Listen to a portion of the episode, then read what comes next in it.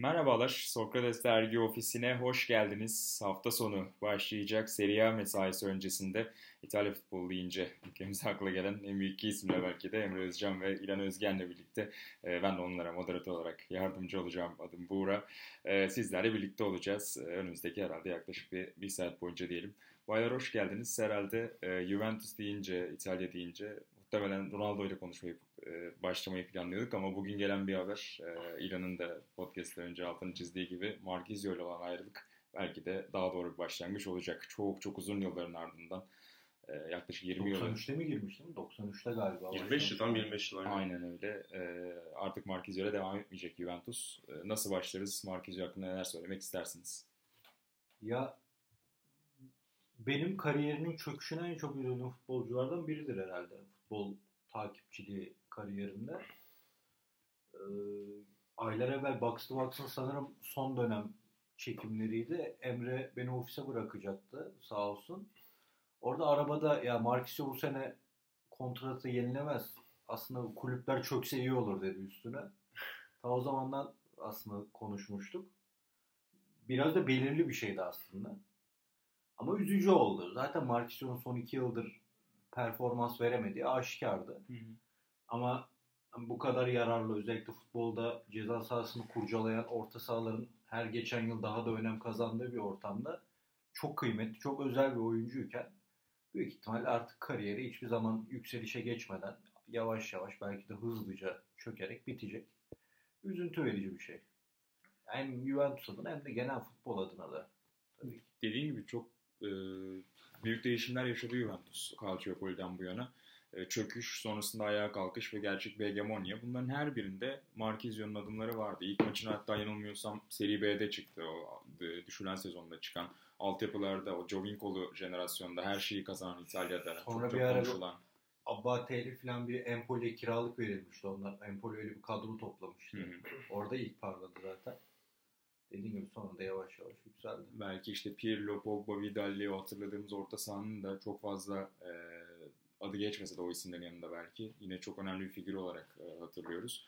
Emre sen neler söylersin Marquez'le alakalı? Sonrasında da genel olarak bir Juventus'un tavrıyla alakalı. Juventus çok da böyle alttan oyuncu yetiştiren bir kulüp değildir. Hı hı. Hani o, o nadideliği de önemli orada. Yani ender futbolculardan biri oradan çıkıp kendini kanıtlayıp milli oyuncu seviyesine çıkması açısından. İşte o Joe Winkle'lu kadronun dediğin gibi bir ayrı yönü de vardı. Abi benim 4-5 sene önce e, pozisyonu dünyanın en iyi oyuncularından biri dediğim bir oyuncuydu Marquezio. Hakikaten de öyleydi. E, yani aslında 29'una kadar da bayağı istikrarlı bir şekilde oynadı. Yani çöktü ama çöküş de böyle 29-30'dan sonra oldu.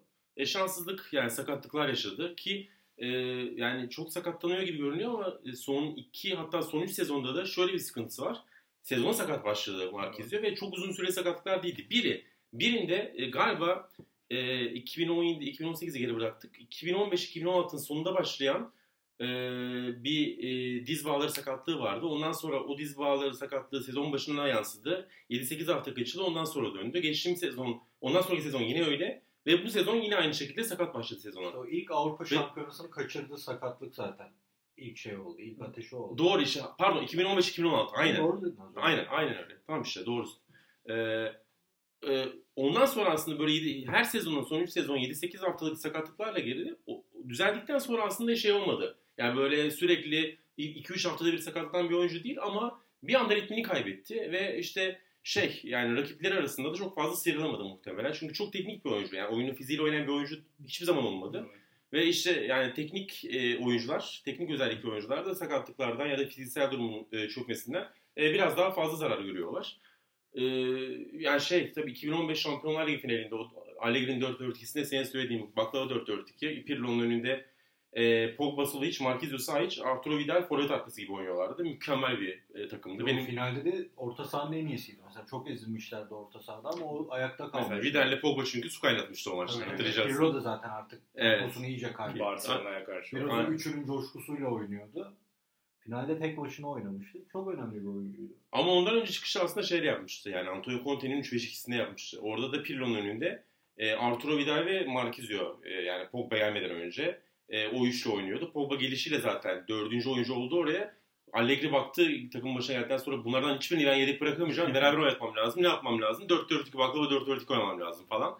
Ee, çünkü ya, hakikaten dördü de kendi pozisyonunun en iyi 10 oyuncusundan belki de dördüydü e, o sırada ya da 10-15 oyuncusundan dördüydü. Hiçbirini yedek bırakmaya kıyamadı Allegri.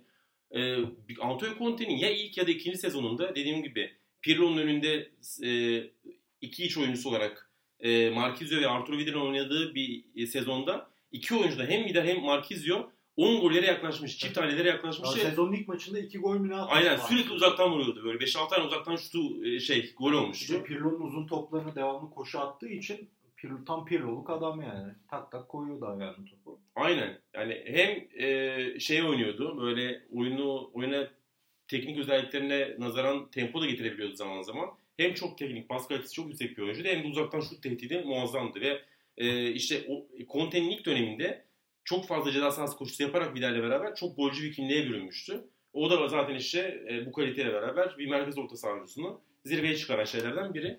Aynen öyle. Şimdi ee, değişen bir orta saha izleyeceğiz Juventus'ta. Marquinhos'un zaten hani biraz aslında Pjanic önderliğinde bir orta sahaya dönüşmüştü Juventus evet. Ama şimdi yanında kimi kullanacakları işte geçen sene gelen Matuidi var. Şimdi Liverpool'dan Emre Can kadroya katıldı.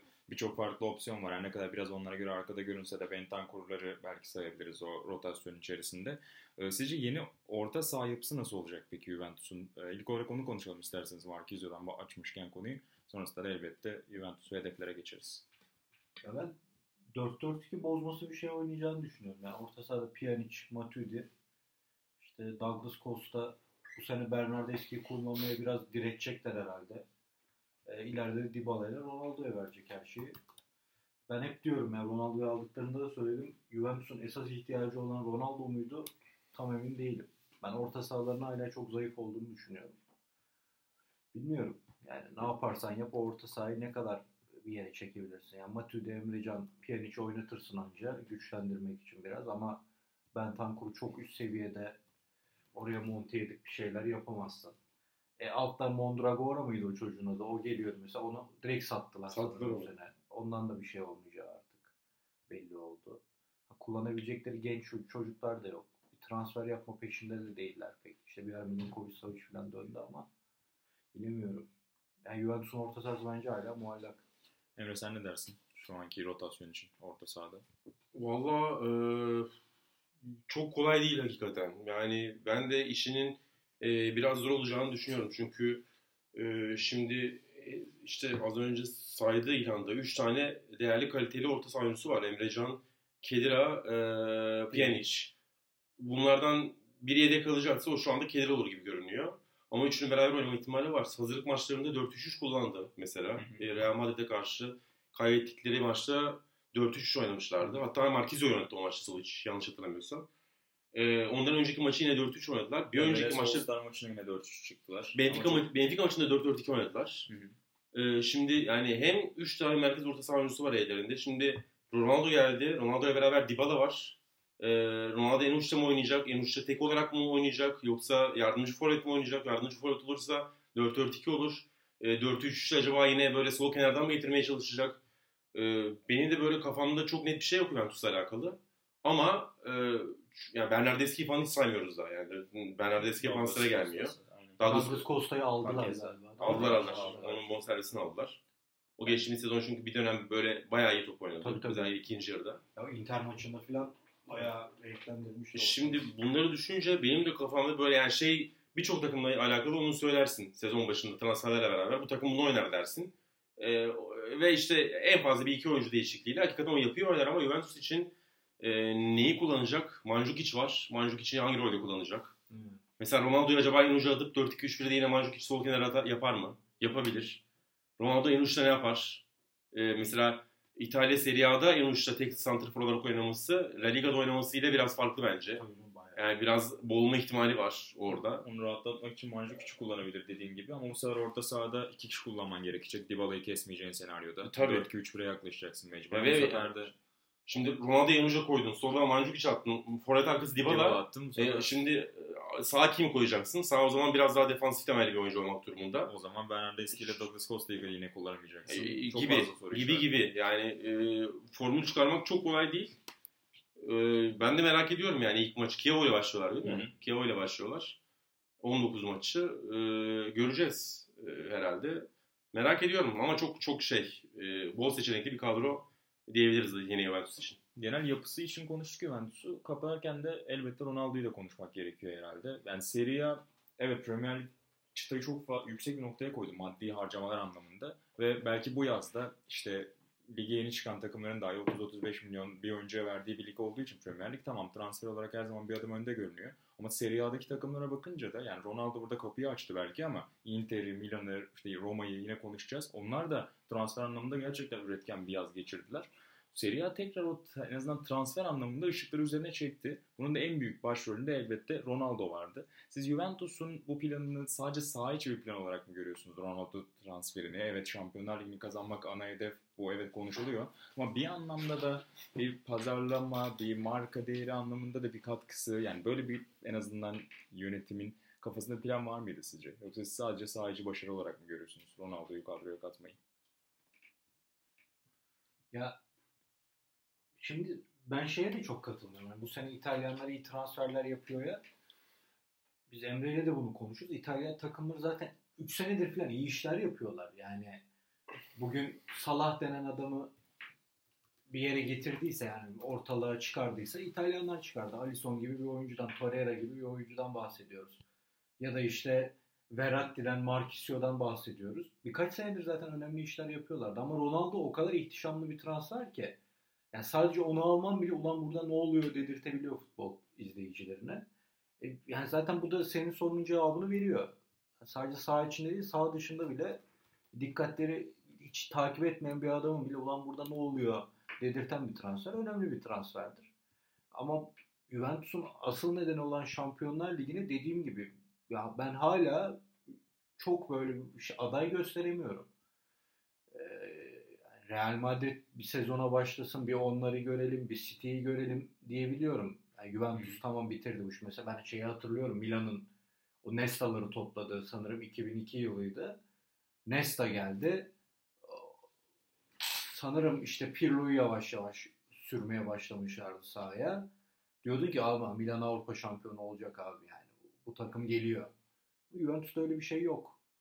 Ee, dediğim gibi hala kalecileri muallak bence. Yani Perin'den ve Şezin'den ne alacaklarını bilmiyoruz. Orta saha boğuşabilecek mi büyük takımlarla bilmiyoruz. Bunları bir kenara koyduğunda ama Ronaldo transferi hakikaten çok büyük transfer. Ama şunu da hani şey umuduyla lige başlayacakları için söyleyeyim. Eski seriye dönüyorum. Eski seriye Ronaldo da Sporting Lisbon'dayken Ronaldo'yu alıyordu. Herkesin kullanıp gerekli faydayı sağladıktan sonra bir Ronaldo yoktu o ligde. Çünkü o farklı. Bir de o İtalya Ligi farklı bir şey abi. O insanlar bunu umar işte 80'lerde 90'larda büyümüş çocuklar bunun hayaliyle yaşıyor da ayrı dünyalar artık.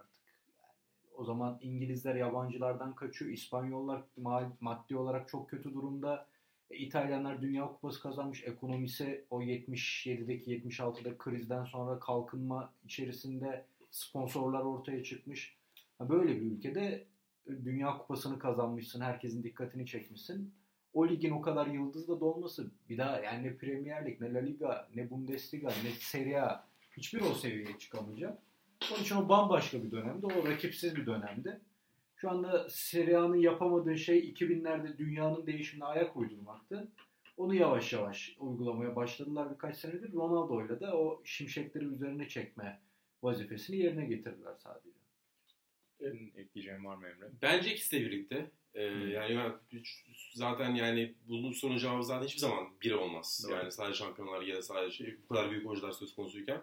Ee, bunu daha önce de yaptı Juventus. Seçtiğimiz dönemde de yaptı. Yani işte Gonzalo Higuain alırken de aslında benzer bir şey vardı. Çünkü Pogba'yı göndermişlerdi 100 milyonu aslında o çok ciddi bir zayıflık demekti. Çünkü yani Pogba mesela Juventus Şampiyonlar Ligi finali oynarken orayı hedeflerken United gibi kendi liginde başarıdan çok uzaklaşan bir takıma gitmeyi isteyerek, direterek gitmişti. Bu bir kayıptı. Onu tolere etmek için e, o sezon 36 gol atmış Napoli'de. Bir oyuncu Gonzalo Higuain'e 29 yaşında 90 milyon verdi. Bir gövde gösterisi o. E, ama aynı zamanda hem Napoli'yi zayıflatan hem zirveye çıkan 36 golle e, bir oyuncuyu almak ve aslında saha içinde düşünmek. Bunun yanında da işte e, dediğim gibi gövde gösterisi yapmak. Yani, aynen yani e, takımın gol e, şeyini, kapasitesini biraz da artırmak. E bunda da benzer bir şey var. Yani hem şampiyonlar yine hedefliyorlar hem de işin diğer tarafı var. Yani 100 milyon veriyorsun ama işte dediğim gibi hakikaten sadece muhtemelen 3 yıl kalırsa Ronaldo e, forma satışından 3 yıl içinde yani bir yılda demiyorum gelir gelmez forma patladı ya ondan küçük paylar geliyor ama o küçük paylar 3 sene 4 sene içinde birleşerek zaten 100 milyonu falan yaklaşacak bulacak belki de ki bunun daha başka şeyleri var yani e, Juventus'a getireceği e, ekonomik anlamda bir şey e, Juventus çok fazla final kaybetti. Evet. Şimdi o finalleri oynarken Ronaldo gibi o finalleri kazanmış sürekli kazanan bir oyuncuyla beraber oynamak aynı zamanda başka problemleri çözer saha içerisinde. E, bunların hepsi birbirini etkiliyor bence. Son olarak Juventus galiba bitireceğiz. Aynen yavaştan. Şey, şeyi eklemek lazım. Onu şey eklemek lazım. Onu belki Milan'da konuşuruz demiştim ama buradan da açabiliriz. Oradan da Milan'a bağlarız. Olabilir. Yani şey e, çok e, eleştiri gördüm ben Bonucci transferinde. Hı. İşte Caldera'nın e, gidişi vesaire evet. potansiyeli. Hakikaten iyi oyuncu Caldera. Gerçekten iyi oyuncu. Yani bence Rugai'den daha iyi oyuncu olma ihtimali daha fazla olan bir oyuncu. E, ama şöyle bir şey var abi. Şimdi Ronaldo ne zaman geldi? E, Ronaldo kaçtı şu anda? 32-33 yaşında. Kaç yıllık konser şeyi kontratı var? 3 yıl. Yani Prime'ında 3 yıl daha var değil mi Ronaldo'nun? Yani bu 3 yılda Juventus ne yaparsa yapmak durumunda. Şimdi bu 3 yılda ne yap? Yani bütün kozunu, bütün kurşununu bu 3 yılda saklarken bu 3 yılı Caldera ile mi oynamak istersin, Bonucci ile mi oynamak istersin?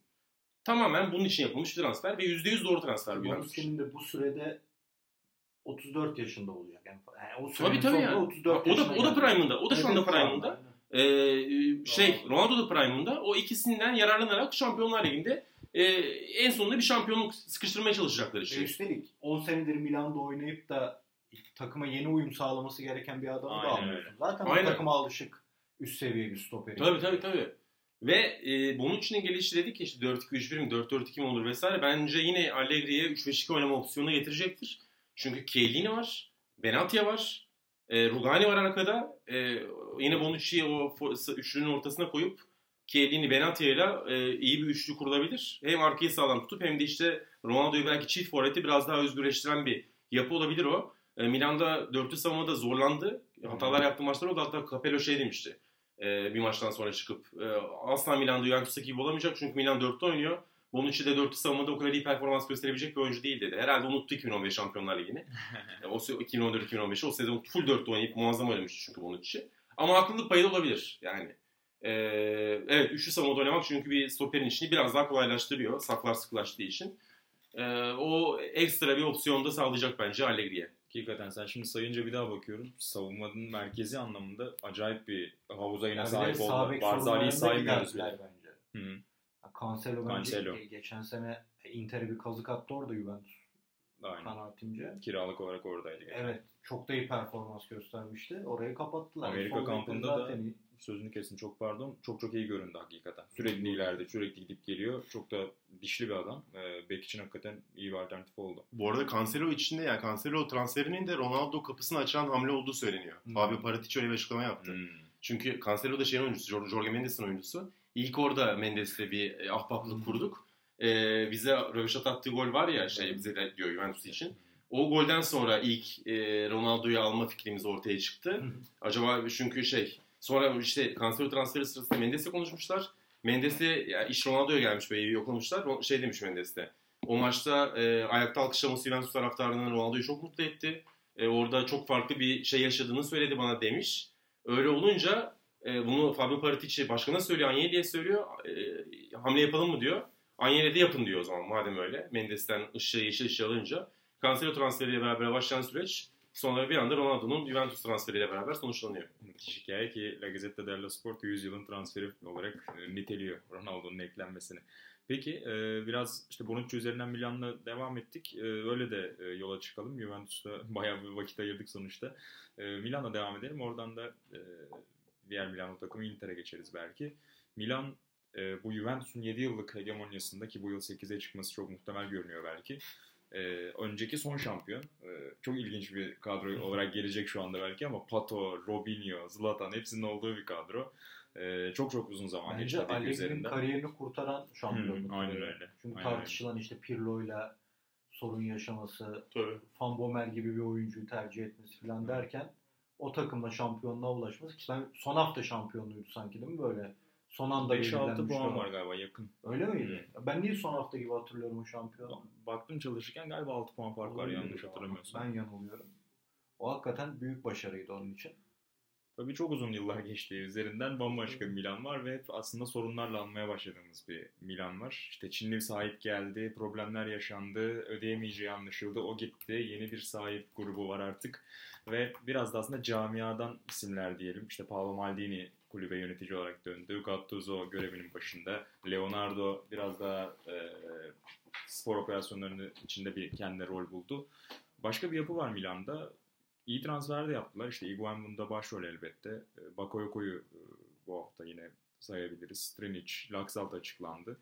Bolca da ekleme var. Bu yıl beklentiler ne Milan'dan sizce? E, neler görüyorsunuz? Belki Gattuso ile başlayıp hani geçen seneden sonrasında konuşabiliriz. Emre sen ne başlayalım istersen?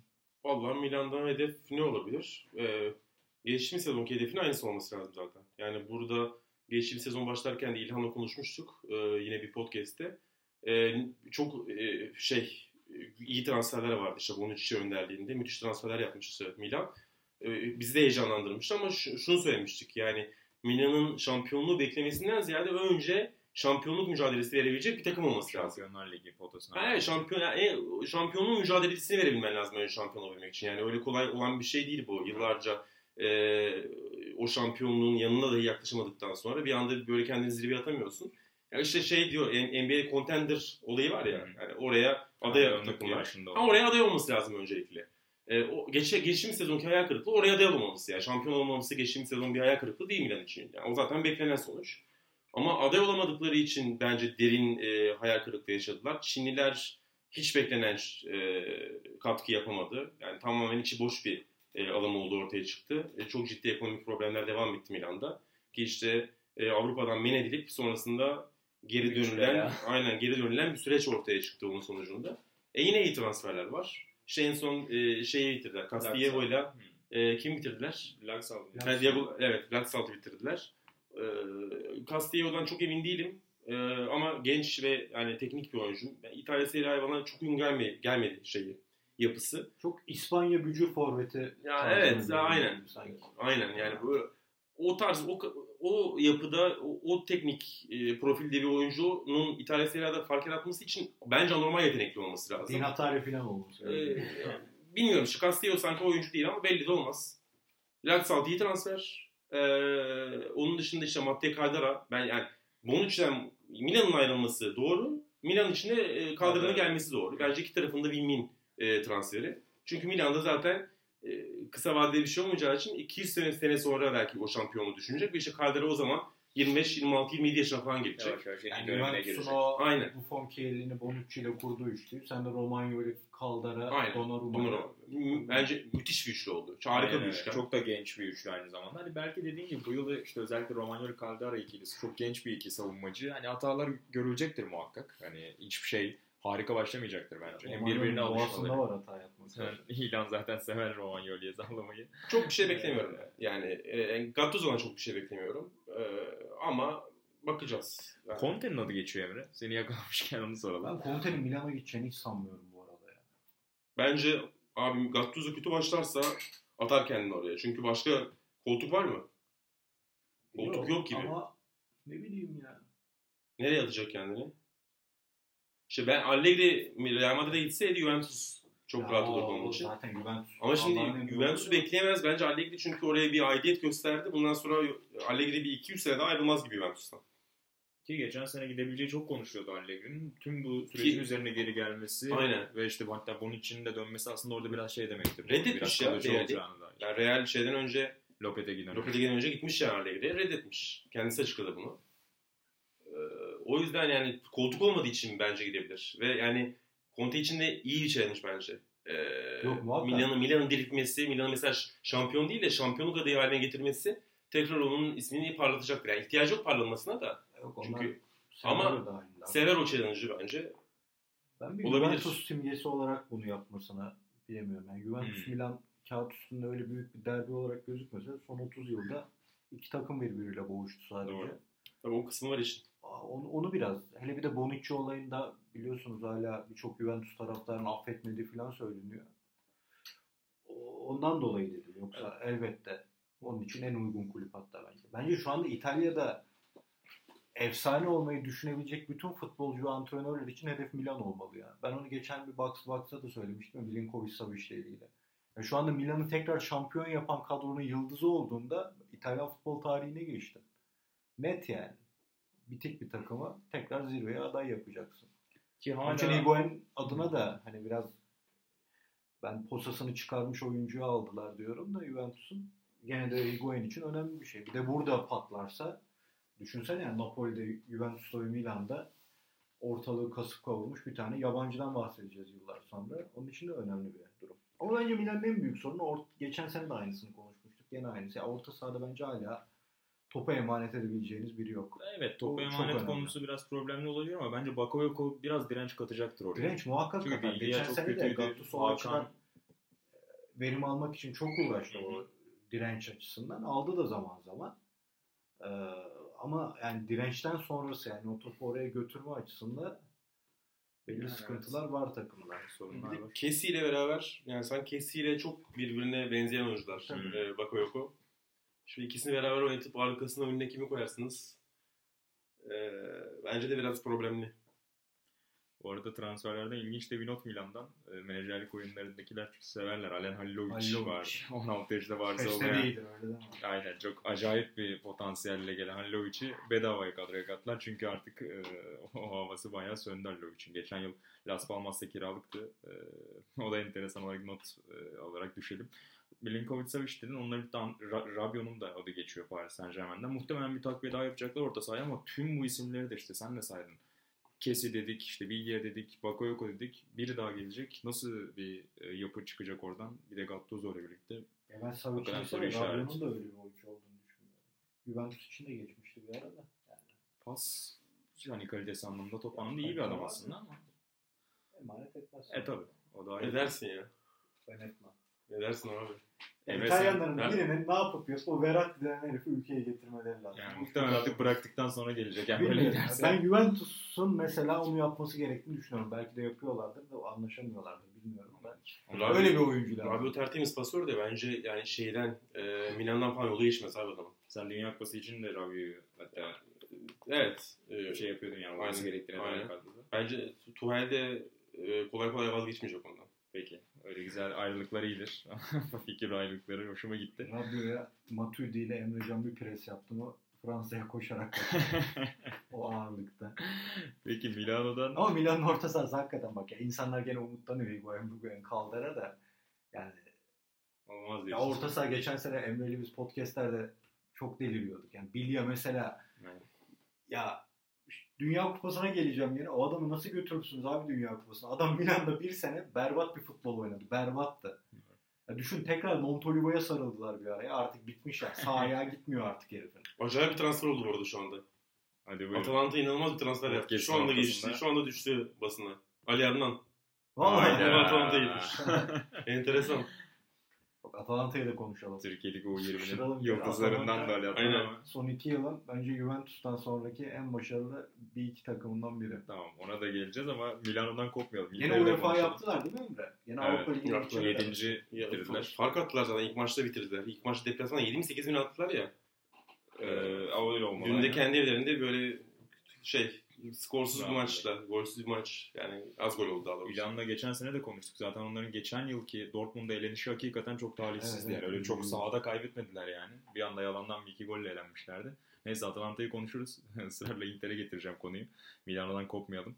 Ee, Inter'in de Şampiyonlar Ligi hazreti son bulacak. Şampiyonlar Ligi son sezonlarında Trabzonspor'la aynı gruptalardı. O O kadar, kadar eski. Onu kontrol etmek istedim. 2011-2012 sezonuna kadar gidiyoruz. 7 yıldır Şampiyonlar Ligi'nden uzak bir Inter vardı. Çilotuska'dan gol yedikleri bir grup macerasını orada geride bırakmışlardı. Çok uzun bir aranın ardından geçtiğimizde son hafta hatta son 10 dakikaya kadar Şampiyonlar Ligi potasının dışındalardı ama geri gelmeyi başardılar. Ee, ve Spalletti önderliğinde Şampiyonlar Ligi'ne dönüyor Inter. Bununla da birlikte bayağı bir transfer yaptılar. Tabii ki işte Nainggolan bunların arasında en çok öne çıkanı. Versalico, Devri, Asamoah ve bir de Lautaro Martinez ki ben hazırlık döneminde çok beğendim Martinez'i. İlhan Özgen de bana tebessümle bakıyor şu anda. Belki onunla birlikte başlayıp Inter'in transferlerini e, değerlendirmeye açabiliriz İlhan Özgen. Ya Inter'in geçen seneki son hafta macerasından bahsettim. Hı hı. Inter sezona iyi başlayıp Aralık'tan sonra darma duman olmuş bir takım da hatta. Onlar Juventus'taydı mı 0-0'lık bir maçları var Aralık ayında. Ondan sonra Juventus 12 maçlık seri yakalarken onlar hiçbir şey yapamadı. Maç kazanamadılar Şubat'a kadar. Zaten Roma'yı da Inter'i de o süre bitirmişti. O kadar dağıldılar ki işte Şampiyonlar Ligi potasından bile uzak kalıp son anda toparlamaya çalıştılar. Spalletti yoksa olumlu işler yapmıştı orada. Hani ben göze gene hoş gelen bir takım olduğunu düşünmüyordum ama maç kazanıyorlar. Kazanmayı planlıyor. Bu sene de dediğin gibi özellikle Nainggolan transferi eğer eski formunu yakalarsa Roma'daki formunu tutturmayı başarırsa iki sezon önceki bence İtalya'da en önemli transfer olabilir Nainggolan. Yani oyunu değiştiren çok farklı bir oyuncu. Onun dışında Martinez'e bakacağız. Gene bir Inter e, hayal Denemesi. kırıklığı forveti mi Arjantin oldu? denemesi. Evet. Çok da güzel bir gol attı hazırlık maçında Atletico Madrid'de. Belki görmüşsünüzdür. Hı hı. Ya oyun olarak da beğendim ama tabii ki hazırlık dönemi çok fazla bir şey anlatmaz bizlere. 20-25 milyon euro civarında bir bonservis de verdiler. Racing'den ciddi bir parayı aldılar. Ee, Ya bence onların en önemli transfer geçen sene daha yapmışlar. Devra'yı aldılar ya bonservisi. Tabii, tabii, anlaşmışlardı. O önemli transfer. O da enteresan hatta son hafta işte geri dönüp Lazio'ya karşı işte kazanıp Inter Şampiyonlar Ligi potasına attı demiştik. Orada hatayı yapan penaltıyı yaptıran da De Vrij. Çok hatta konuşulmuştu. Tam bizim seveceğimiz kaoslar onlar. Ee, bu yıl Yani Inter'de olacak. milli takım stoperi sende. Skriniar sende. Yani ligin birkaç senedir en iyi stoperlerinden. Bir de bu çocuğu alıyorsun. Hı hı. Bence Inter mantıklı işler yapıyor ama dediğim gibi o kulüp kültürü ayrı bir şey işte. Ben ilerideki dörtlüyle pası Emre'ye atayım. Icardi, Perisic, Lautaro, Martinez, Keita Balde. Ya vallahi beni etkileyen bir dörtlü açıkçası Keita Balde de oldu. Aynen onu da kiralık aldılar. Ee, Sen ne diyorsun Emre? Çok umut, umut var değilsin sanki. Yo, yo, Ben ondan önce bir şey Çok iyi bence. size. Baba Keita Balde niye Monaco'da olmadı? Giderken bayağı Bilmiyorum ki abi ben yani Fransa'yı çok fazla takip etmiyorum. Ama şeyde izlemiştim mesela. Ee, oyuna başlamış Be- Be- Beşiktaş maçı yani e, Vodafone Arena'daki maçta Keita Balde oyuna sonradan mı girmişti? Ya da ilk 11'e mi başlamış? Bak onu hatırlamıyorum. Ee, galiba oyuna sonradan giriyor, girdi ve oyunu değiştirmişti orada. Ama yani ya Balde, Keita böyle şey bir oyuncu abi yani. E, Bir gün bir tutmaz. ya hem öyle hem istikrar sorunu var hem de yani ne ne abi et mi balık mı belli değil abi Keita Balde. Yani golcü mü? Yaratıcı mı? Kanat mı? Asistçi mi? Yani? Top mu taşıyor? Driblingçi mi? Lazio'da parladığında da öyle parladı. Ya aynı abi yani hiçbir şey böyle Oyunda bir patlıyordu ve aynen. herkes her şeyden biraz var, hiçbir şeyden tam yok. Yani bu yani bu birçok oyuncu için ya bazı oyuncular için bu iyi bir şeydir. E, komple bir oyuncu olur çünkü ama işte yani böyle Keita Balde gibi de genç potansiyel olarak görülen e, bir oyuncu için e, bazen ortaya bir sonuç çıkartamıyor. Yani şey kiraladılar değil mi? Kiraladılar. 5 milyon Kiraladılar. kiraladılar. 40 milyon falan bir opsiyon var. Olur mu? Bilmiyorum. Ben e, e, Kandreva'dan kurtarması belki şey olabilir çünkü. Kandreva o kadar boktan bir sezon geçirdi ki. Yani ağzımı bozdum kusura bakmayın. Inter taraftarlar ama nefret ediyor abi adam, çok adamdan. Ee, şey ya bir de o da şeyle alakalı abi. Yani 4-2-3-1 adamı değil Kandreva abi yani. Kandreva ya 4-4-2'de oynar tamam mı? Ya da 3-5-2'nin kenarında oynar. Yani şimdi 4-3-3 ya da 4-2-3-1'de şey olunca adamdan skor beklediğin zaman şey kalıyor abi işte Kandreva şey e, sendromu yaşadı. Ee, Quaresma'nın sendromunu yaşıyor. Sürekli top kesiyor falan böyle saçma sapan. Sadece ortaya. E çünkü şey yok, ceza sahası koşusu yok herifin. Dikiliyor, bekliyor orada. Deliriyor Inter taraftarı da. Zaten o Juventus'ta ilk çıktığında hayal kırıklığı olmasının sebebi Juventus'un forvet arkası oynatmasıydı. Öyle bir Hı. oyuncu değil Kandreva. Ondan sonra Prandelli'nin o 3-5-2'sinde Aynen. ne ödüğü belirsiz bir kanat oyuncusu olarak meşhur oldu. Ya temposu var şimdi. Gitsin Tabii gelsin abi. Forvet gibi falan oynuyor. Ha yani adamdan ama gol falan beklersen işte olmuyor. Ee, e, öne çıktığı sezonda da zaten işte Avrupa Ligi'nde falan dediğim gibi biraz daha hep geri gelip ileri giden bir yapıda oynamıştı. abi yani ön taraf işte Perisic falan. Şimdi Perisic, Balde nasıl olacak? Mesela Lautaro Martinez ile Icardi beraber oynar mı? Bence zor oynar. Öyle mi diyorsun? Ya, e, bence zor oynar. Yani ikisi de böyle şey değil çünkü. E, çift forvet oynayacaksa en azından birinin böyle rakiple mücadele eden, sırtı dönük oyunu olan bir oyuncu olması lazım. Lautaro Martinez de yetenekli. Bayağı böyle pırpır bir çoğu adam. Yani pırpır demeyeyim de tam olarak. Ama ben Racing'de birkaç maçını izledim geçtiğimiz sezon. Etkileyici çocuk yani. Böyle 13-14 gol ne attı orada? 20 maç oynadı. Çok fazla oyun oynamadı. 13-14 attı. 4-5 tane asist yaptı. Topla gidiyor. e, Pası var falan. Yani var yani o çocukta. Bir şeyler oldu kesin. Ben de beğendim bu arada şeyde. Hazırlık maçlarını Inter'de. Ya bir de Icardi gibi adamla oynamak zor. Yani Zor. tek işi o topu kaleye atmak. Aynen. Adamla paylaşım yapmak çok zor. Yani onun yanında böyle sanki bir mancuk iş gibi bir adam lazım. O yüzden Lautaro sanki ilk sezon biraz yedekleyici gibi geliyor bana. Ama bence önden ziyade abi arka taraf şey çok önemli. Çünkü de yenilediler neredeyse. ya işte yani Defray ile Skriniar acayip bir ikili bence. Yani mükemmel bir ikili birbirini tamamlama anlamında. Çünkü biri beast orada Skriniar. Defray da teknik anlamda yani oraya yönetecek oyuncu. Ee, hem iyi pasör hem de savunması da sağlam. Ama asıl Asamoah. Abi bekleri yenilediler ya. Bak Inter'in bence en büyük sorunu 5-6 yıldır iyi kadrolar kurmasına rağmen çöp beklerle oynuyorlar. Sol beki de sağ beki de çöp oyuncularla gidiyorlardı. E şimdi abi ne oldu? Sol beki Kvadro Asamoah aldılar. Sağda Sağ beki de. Vrsteko'yu aldılar. Ha böyle ikisi de belki mükemmel değil ama ikisi de belli standartın üzerinde oyuncular. O Şeyi yüzden aldılar galiba. Sion'a verdikleri Dimarco vardı onların. Bir genç milli takım oyuncusu. Onu da geri almışlar. O da Aa, Federico Di Marco değil mi? Tabii, Aynen. O enteresan oyuncuydu. Evet. Benim alt, alt yaş gruplarında Aynen. Duran topçu garip bir heriften. kısa boylu. Kısa çok bir Bayağı 68 kısa. Bir de şey durumu var. Nainggolan aldılar. Yanına aslında bir oyuncu daha koymak istiyorlar. Hı hı. İşte önce Vidal istediler. Barcelona'ya gitti. Modric. Modric istediler. Olmadı. Modric şimdi şeymiş. Hala istiyor. Evet. Son bir kez daha çıkacakmış Aynen. galiba Perez'e ama zor yani bundan sonra. Tabii tabii. Gelseydi çok acayip olabilirdi gelseydi. Ya abi. belki Ronaldo gitmeseydi Modric'i alabilirlerdi bence. Ya Ben Real Madrid'in iki adamı da aynı yaz. Ha öyle Bir diyorsun. de kupa kaybettikten Evet, Evet, sonra. olabilir. Olabilir ama yani Spalletti'yi ben İlan biliyor. Çok beğenmiyorum ama Takdir maç edeceğiz. yok maç kazanmasını kazanan kazanan hoca olmasını da takdir ediyorum ama geçen sene işte onun söylediği bir 10 maçlık kazanamama serisi var yani. Daha doğrusu kazanamadığı bir dönem var doğru düzürüz. Ee, yani iyi hoca olmakla birlikte sanki böyle şampiyonlar götürecek bir hoca değil gibi geliyor bana. Ee, hem Inter hem Milan'ın e, sanki bir şeyden sonra bir yerden sonra e, problemleri hocalar olacak gibi geliyor bana. E, Gattuso'nun çok benzer şeyleri ben düşünüyorum Gattuso için ama Spalletti bakalım. Yani Şampiyonlar Ligi'nde de şöyle bir e, gruptan çıkma gösterirse eğer tabii kuraya da bağlı ama daha uzun soluklu belki olabilir diyelim. E, Milano'dakileri bitirdik. Napoli'yle devam edelim isterseniz. E, En ciddi Yani hani kadro olarak çok değişmeyecek belki. E, işte Jorginho'yu kaybettiler. Onun dışındaki iskelet duruyor ama Sarri'yi kaybetmek ve Ancelotti'yi getirmek bambaşka bir mental, e, zihinsel değişiklik anlamına geliyor bence. Emre ile başlayalım Sarri demişken. Ben bir cümle söyleyeceğim abi. Aa, Napoli'den bir bok olmaz bu sezon. hadi buyurun. Hayda. Can Duygu'nun Ancelotti önderinde bir şampiyonluk tahmini vardı galiba. Hiçbir şey olmaz abi Napoli'de. Benim benim öngörüm bu. Bilmiyorum. İlhan Fazla- sana da şöyle pas atayım. Ee, Emre çok daha iyi hakim zaten ama yani aslında kağıt üzerinde görünen teknik direktör değişiminden çok daha fazlası bence hakikaten. Yani Sarri'ye yapılan güzellemelerin bir noktada ben e, şey olabilir hani ne denir ona bazen beni yorabiliyor abi. Hı. böyle hocaya yapılan acayip övgüler ve tamamen onun üzerinden her şeyi okumalar bazen şey geliyor bana netice gelebiliyor. Ama hakikaten yani mentalite olarak geçen yılki kadroya ad- isim isim baktığında Juventus'ta o kadar at başı gidebilecek bir yapıda olduğunu düşünmüyorum. Yani Sarri'nin ya da herhangi birinin böyle bir şablonu olmasa, böyle bir plan, böyle bir akıl olmasa bence geçen yılki sezon İlk dörde giremez Napoli'ye.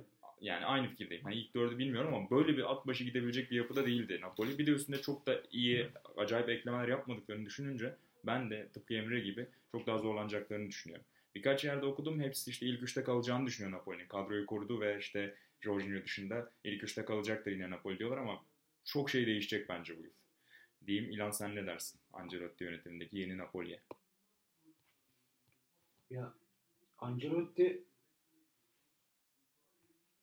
kazanmayı bayağı bilen bir adam. Geçenlerde Zaccheroni röportaj verdiğinde işte Napoli şampiyonluğu nasıl e, götürebilir gibi bir soru sordular. E, onlar da Ronaldo'yu aldı ya işte Ancelotti'leri var dedi. Ancelotti'nin bence bu bir maceraya atılma durumu benim hoşuma gidiyor. Çünkü Parma'dan sonra neredeyse hep yüksek kalibreli takımlar çalıştırdı. Ben hiç hatırlamıyorum değil mi? Juventus, Milan, Real. Paris Saint Germain, Chelsea. Tabii hiç aşağı düşmedi. Bayern Münih şokundan sonra tekrar o Parma seviyesinde. Yani o Parma da öyle ikincilik takım falan değil. iyi takımda. O seviyede tekrar bir şansını deneyecek. Tekrar kendini kanıtlamak. Parma'yı Parma'yı şampiyonluk yarışına sokabilen tek teknik adam tarihte. Tabii. İkinci yaptı Parma- Parma'yı. Parma'nın başka hocayla ikinci olmuşluğu yok. Yani o 90'lı yıllarda taktisyenler yetiştiren, tarihi boyunca taktisyenler yetiştiren İtalyan futbolunda oyuncu psikolojisi, oyuncuların gönlünü hoş tutarak bir şeyler başaran adamlardan biridir. Milan'ı böyle Avrupa'nın zirvesine çıkardı. Yani ben o Milan'ın değişikliklerini falan dakika dakika söyleyebilirim. O çıkar Ambrosini girer, o çıkar şey girer, Thomasson girer. Hepsi aynıydı yıllarca ama şampiyon yaptı. Ama burada şöyle bir sorun var. Sizin dediğinize şu noktada katılırım. Napoli'nin ben orta sahasının ve ileri hattının öyle hani ilk, ilk dörde giremez bir durum olduğunu düşünmüyorum ama o defansta Sarri'nin yaptığı büyük işte hakikaten. Ancelotti'nin takımlarında evet bir hücum kahramanı ya da acayip highlight gollerin atıldığı hücum e, kombinasyonları olur ama esas olay arkada bir işi ciddiye almaktır. işi bir garantiye almaktır. Onu nasıl sağlayacak onu bilmiyorum. Yoksa ileride de mesela Verdi gibi geçen senenin iyi oyuncularından Verdi'yi transfer ettiler filan. İşte Şiretti'yi aldılar sonra geri saldılar. İngilizce'yi öyle yaptılar. O forvette bir eksiği olduğunu düşünmüyor. Onu gösteriyor. Jorginho'nun eksiğini hisseder mi? Ancelotti öyle bir oyuncuya çok ihtiyaç duymaz. Fabian Ruiz aldılar. Ve şimdi onu Tam diyecektim. onun eksikliğini kapatacak oyuncu. İspanya'da çok iyi onun yerine getiren hani benzer bir rolü birini aldılar. Ya bir de zaten Ancelotti'nin öyle şeye çok ihtiyacı yok. Yani Jorginho tam bir regista da değil. Anlatabildim mi? Yani Jorginho garip bir oyuncu. Jorginho şimdi İngilizler dün gördüm tartışıyordu. Ya bu çok acayip bir pasör de değil. Çok kilit pas da atmıyor. Ya zaten adamın işi sistemdeki pas dengesini sağlamak. Yani o o pas zincirini bozmadan tamamlaması. Çok anlaşılacak bir oyuncu da değil. O kadar şeylere kafa takmaz. Yani olmadı Chigarini getirir gene oynatır o. Ee, benim merak ettiğim nokta işte burada başlıyor. Yani bu Ancelotti bu takımda nasıl kazanan bir takım yaratacak? Tek olayı çünkü o kimyayı sağlayıp kazanmaya başlamasıdır. Sarri'nin sistemini koruması çok zor. Çünkü milli falan da artık gerçi oynatmaya başlamış. Onu da korumayacak. Muhtemelen milliyi kullanacak. Ama orada ne yaratacak? Ben açıkçası çok merak ediyorum. Hadi ilk dörde mi girer, kaça girer onu bilemem ama Ancelotti hiçbir zaman çok sevmesem de tarzına bayıldığım bir adamdır. Emre çok pozitifiyle o konuda. Ama En o stoperlerle bak gene diyorum o stoperlerle zaten bir şey yapmak büyük iş. Kolibali Saatli bomba iki adamla. E bekleri de öyle be abi yani. yani Gulam Gulam- dışında öyle hücumda güvenebileceğim bir beki de yok mesela hücuma çıkar. Yani Gulam da savunmada kötüdür. Hisar zaten yani onu Sarri'den başarılı oynatamaz bak. Abi hiçbirini Sarri'den başkası oynatamaz da. Yani gerçi Sarri onların birçoğunu belli bir noktaya getirdi bundan sonra. Yani Ancelotti ne yapabilir? Ancak şöyle yapabilir abi. Sarri'nin sistemini bozmadan devam ettirirse böyle ilk üç e, olabilir yine. Ama ben zannetmiyorum. Yani aslında pragmatist bir adam olduğu için çok fazla yapıyı bozmuyor. Bayern'in üzerine gidince de mesela Pep Guardiola'nın takımına öyle anormal eklemeler falan yapmadı. Çok küçük değişimler e, pas oyununda. Biraz daha direkt hale çevirdi falan. Napoli'de de bence çok fazla şey bozmaya çalışmayacaktır. Ama mesela işte Jorginho gitti. Fabian Ruiz tamam çok kaliteli bir oyuncu da Fabian Ruiz de bir Jorginho değil. Yani belki olur ama e, yani garanti bir şekilde o performansı verir diyemezsin. Gerçi onun yerine de yani mesela olmadığı durumda Amadou Diawara oynar mı oynar. Jelinski hala duruyor. Ee, şey Hamşi, Alanı bunlar çok önemli oyuncular. Ya daha doğrusu aslında önemli oyuncular değildi belki. Hamşi dışında da işte önemli oyuncular haline getirildi. Ama mesela işte Insigne'den falan, Kayaoğlu'ndan e, Sarri'nin yararlandığı şekilde yararlanması bana çok zor geliyor abi. Gerçekten çok. Mesela Mertens'i bence sadece 9 yapmayacak. Mesela Mertens'i sadece 9 yapmadığı düzende Napoli'nin ben çökebileceğini düşünüyorum. Yani şöyle, şöyle çökme. Yani dağılırlar 7. 8. olurlar değil de oyun olarak çökerler bence bana kalırsa. Ee, ben çok zor görüyorum yani işlerini. Ve işte Inter'in e, Roma değil de konuşmadık. Roma'nın Şimdi oraya geleceğiz. bu kadar güçlendiği bir süreçte böyle ilk üç dışında kalıp fark yerlerse de şeyden puan olarak Juventus'tan şaşırmayacağım ve benim beklediğim o açıkçası biraz. problemli bir sezon bekliyorsun. Bence. Ee, sen de güzel bir girizgah yaptın. Yavaş yavaş Roma'ya geçelim. Transfer Hı. dönemini yüzünde koca bir gülümsemeyle takip etti İlhan Özgen Roma'nın. Çok beğendi birçok hamlesini. Ee, ilk sezona vereyim o yüzden. Ee, yine tıpkı geçen yıl olduğu gibi muhteşem bir bonservis aldılar. Hem Alisson hem Nainggolan'dan. Birkaç oyuncu daha var giden. Toplamda 120 milyon euro civarı Monchi cebine bir para koydu ve harcamaktan da çekinmedi. Yine birçok potansiyelli ismi aldı. Son olarak biraz daha yaşı ileri olsa da orta sahayı toparlayabilecek Enzonzi'yi kadroya Çok iyi kattılar. transfer. Ee, aynen Çünkü öyle. orta saha toparlaması için İtalyan milli takımının da Roma'nın da De Rossi'ye ihtiyacı oluyordu. Hı hı. O çok garip özellikli bir oyuncu. Büyük ihtimalle belki 20 yıl daha öyle bir oyuncu göremeyeceğiz İtalyan futbolunda. Çok doğuştan yetenek her açıdan hem liderliği hem top hakimiyeti hem futbol bilgisi. Olmadığı zaman Roma savun, orta sahasının savunmayla beraber topaç gibi döndüğünü biliyoruz. Ama Enzonzi bunu sağlayabilecek bir oyuncu. Bunun yanında De Rossi ile aynı anda da oynayabilecek bir oyuncu. Birçok e, sistemde kullanabileceğiniz e, kariyeri var. Kendini kanıtlamış. Soru işareti yok kafanızda. İyi bir orta saha lideri. O çok iyi transfer ama bence orta sahaya en iyi yaptıkları transfer gerçi kiralık sanırım ama Cristante. Cristante. İki senedir bence İtalya'nın en dikkat çeken orta saha oyuncularından biriydi. Marquisio'yu bahsettik yani. Ee, Orta sahadan ceza sahasına koşular, defans karıştırması, devamlı araması. Yeni İtalyan çocuklar arasında bunu en iyi yapan Cristante'ydi. Hatta geçtiğimiz sezon sanırım Lippi şu anda İtalya'daki en iyi oyuncu demişti ona. Bir Atalanta'da bir coştukları dönem. O çok iyi transfer. Joric benim çok beklediğim bir oyuncuydu ve Joric'i neredeyse e, şeye getirdiler. Sakız parasına falan aldılar. Komik paraya getirdiler. Evet, e, 6 milyon euro yanılmıyorsam. Orada çekindiğim tek şey Francesco'nun o çılgınlığı, 4-3 çılgınlığı ve Joric'i oraya hapsetme durumu. Oraya hapsolursa Kanada biraz tehlikeli olabilir onun için ama göbekte Ceko'ya yakın ya da orta sahaya daha yakın bir yerde kullandığı zaman göbeğe yakın. Çok etkili, çok oyun görüşü acayip bir oyuncu. E, Pastore Oraya var. geçse bile Pastore var. Pastore bence salaklığı yüzünden kariyere e, biraz tepe taklak olmuş bir oyuncu. O Palermo günlerinden inanılmaz bir çıkıştı o. Hatta uğruna antrenörler kovuldu. Pastore'yi oynatmazsam kovarım şeyle Palermo'da. e, Paris Saint Germain'de de kötü başlamıştı ama Paris Saint Germain iç- ipin ucunu kaçırınca çok e, arkalarda kaldı artık. E, yaşı da 30'a gelmemişti. değil mi? 29. 29 filandır. 29. Kimin? Pastore. Avucu. O çok iyi transfer. Çok iyi ya. E, Clivert'ın oğlanı 89'lu muydu? Tabii 89. Öyle bir şey 29. Yani Evet, 29. Max, maksimum oralarda.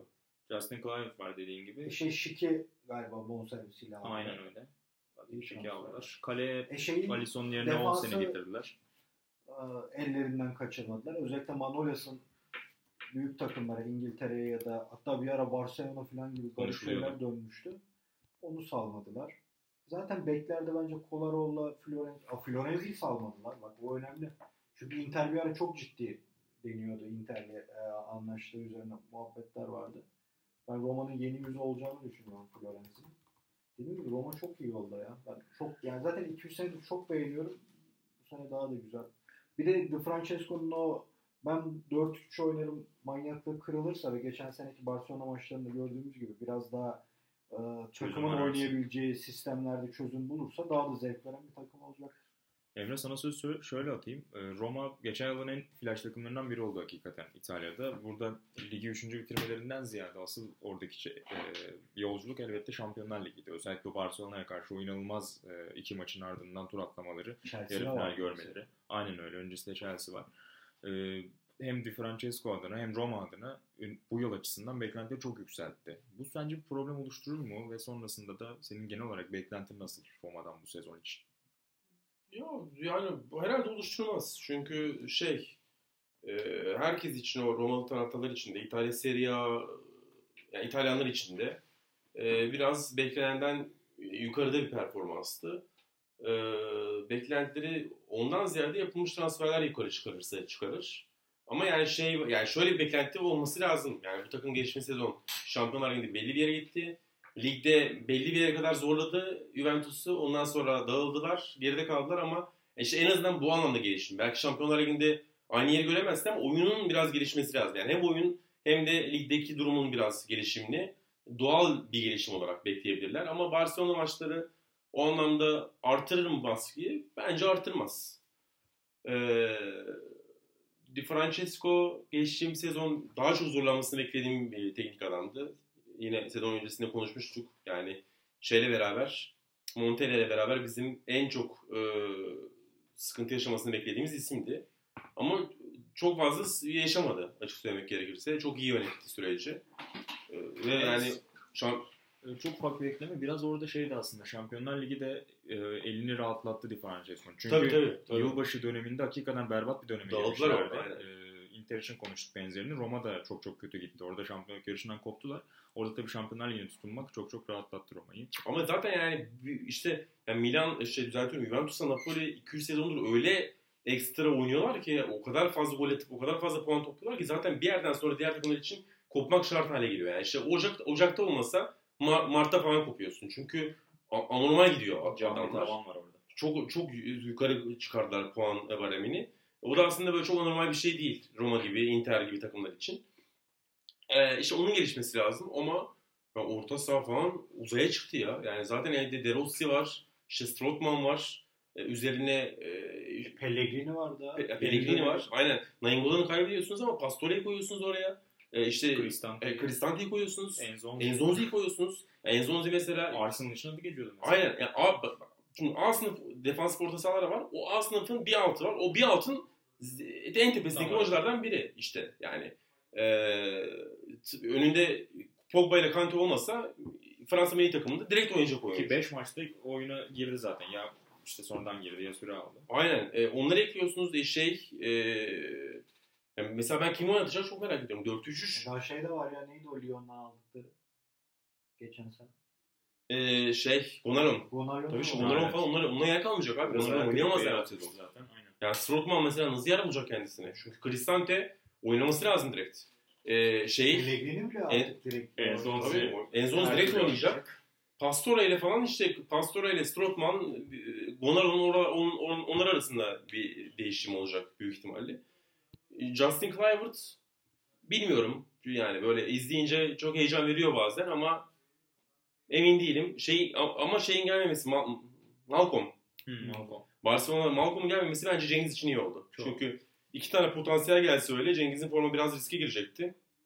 O yüzden Cengiz'in bu sezon kendisini geliştirmesi için e, biraz e, şey ona opsiyon doğdu bana kalırsa. Bence kenara ilk yazılacak oyuncu şu anda. Yani El Şarabi'nin de önünde. Kluivert'ın da önünde. Başka kim var kenarda? Kenarda başka adam yok zaten. Diego Perotti. Perotti var. Perotti. Perotti yazıyorsun bir kenara işte ama yani onun hepsinin önünde Cengiz. Oradan düşmesi için de hakikaten böyle çok ağır e, kötü olması lazım. Olmayacaktır diye tahmin ediyorum ben. 4-3 oynamasını falan diyor şey İlhan yani işte ben de şeye katılıyorum ya. Bağımlı derecede oynuyor. Yani bazen ama mesela geçen sene üçlü falan da oynadı. İşte onu diyorum. Ya Yani. o- İnşallah kırmıştır. Aynen. O bir şey gösterdi Hakikaten bence. bağımlı ya. Ya cidden bağımlı ya. O bir şey gösterdi bence şeye. Umarım. Ee, yani farklı şeyleri de deneyebilir mi, ondan sonuç alabilir mi gördü Barcelona maçlarında özellikle.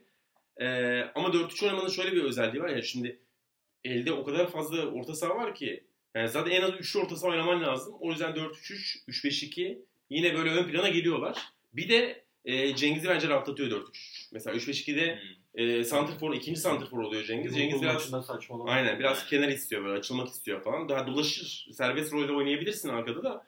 Ama sanki 4-3-3'ün sağ kenarı böyle Cengiz'i parlatmak için, onun performansını en tepede oynaması için en ideal yapılmış Hem şu de anda. şey nasıl düşünürsün? Ee, aslında Cengiz'e burada bir yol da doğuyor.